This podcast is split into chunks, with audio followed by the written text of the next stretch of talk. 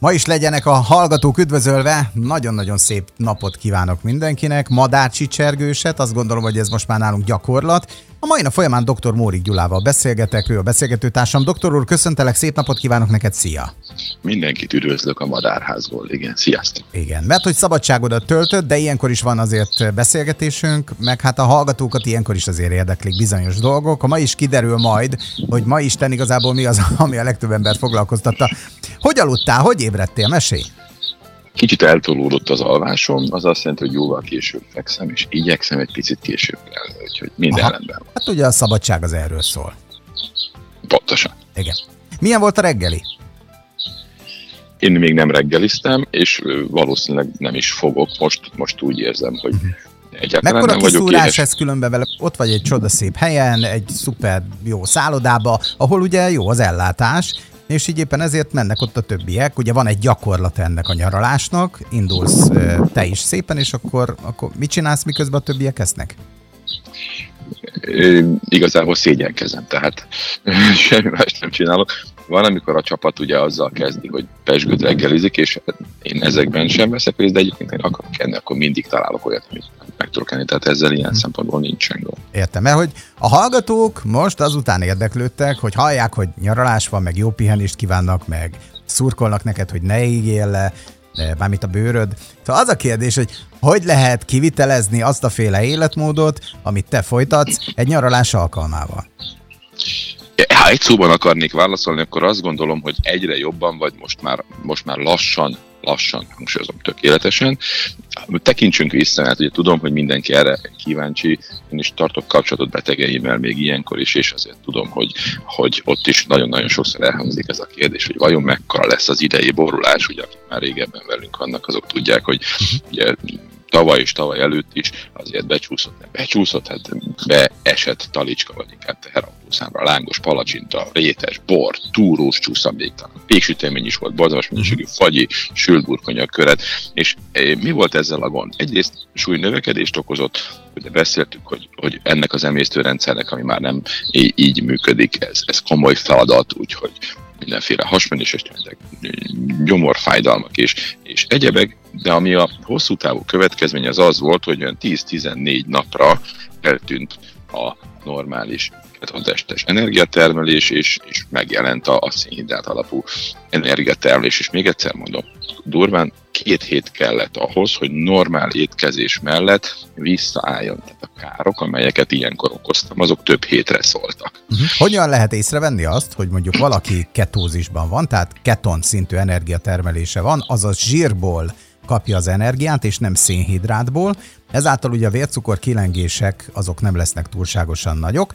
Hogyan lehet azt észrevenni, hogy kijössz a, ebből az állapotból? viszonylag egyszerű, mert a, a szervezet számára mindig a vészhelyzet elhárítása az elsődleges. Tehát ha és amennyiben cukor van a vérben, akkor azt föl kell dolgozni, az nem maradhat ott. Tehát amennyiben olyan étkezést folytatsz, amely a vércukrodat megemeli, akkor értelemszerűen az elsődleges feladata a szervezetnek a vércukor eltávolítása, tehát mindenféleképpen azt fogja ugye elégetni, illetve az inzulin azt fogja zsírrá alakítani. Mi volt az ok ugye nekem is ezeknél a felborulások utáni rosszabb működésnél, hogy az inzulin szint magasra ment föl, az inzulin érzékenységem alacsony volt, tehát magyarul inzulin rezisztens voltam, és ez ilyenkor hosszú időre megfordította az energia működést, hogy az inzulin, ha fölmegy, akkor a zsírbontás nincs, akkor ugye de fehérjét még azért könnyű bontogatni, ha nem eszel. Tehát három kötőjel 7 nap attól függött, hogy, hogy milyen állapotban voltam. Ennyi volt, ha teljes étkezés megvonással próbáltam rendet tenni, és ahogy említettem, 10-14 akkor, hogyha, hogyha normálisan ettem. De és nagyon lényeges, ebben az évben már minden teljesen máshogy történt.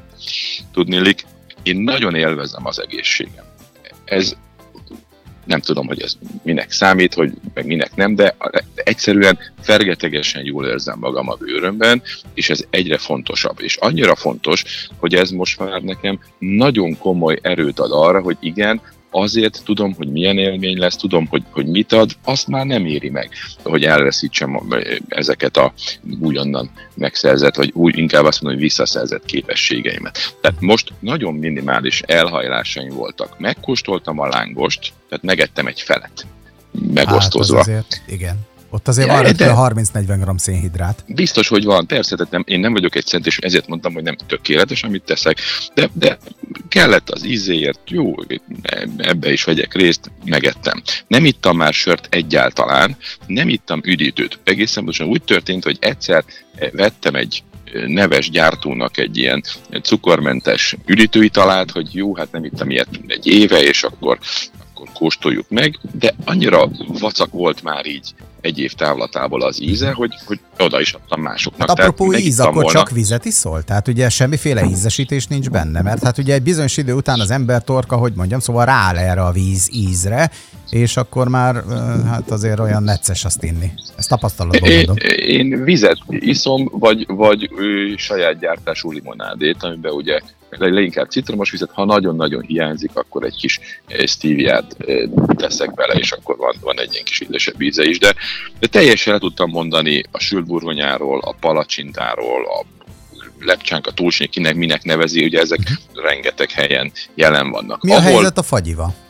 Na igen, ezt akartam mondani, hogy ahol megbotlottam, mert akartam, és azt mondtam, hogy igen, az még, az még a rétes volt. Itt vannak nagyon különleges és nagyon-nagyon finom házi rétesek.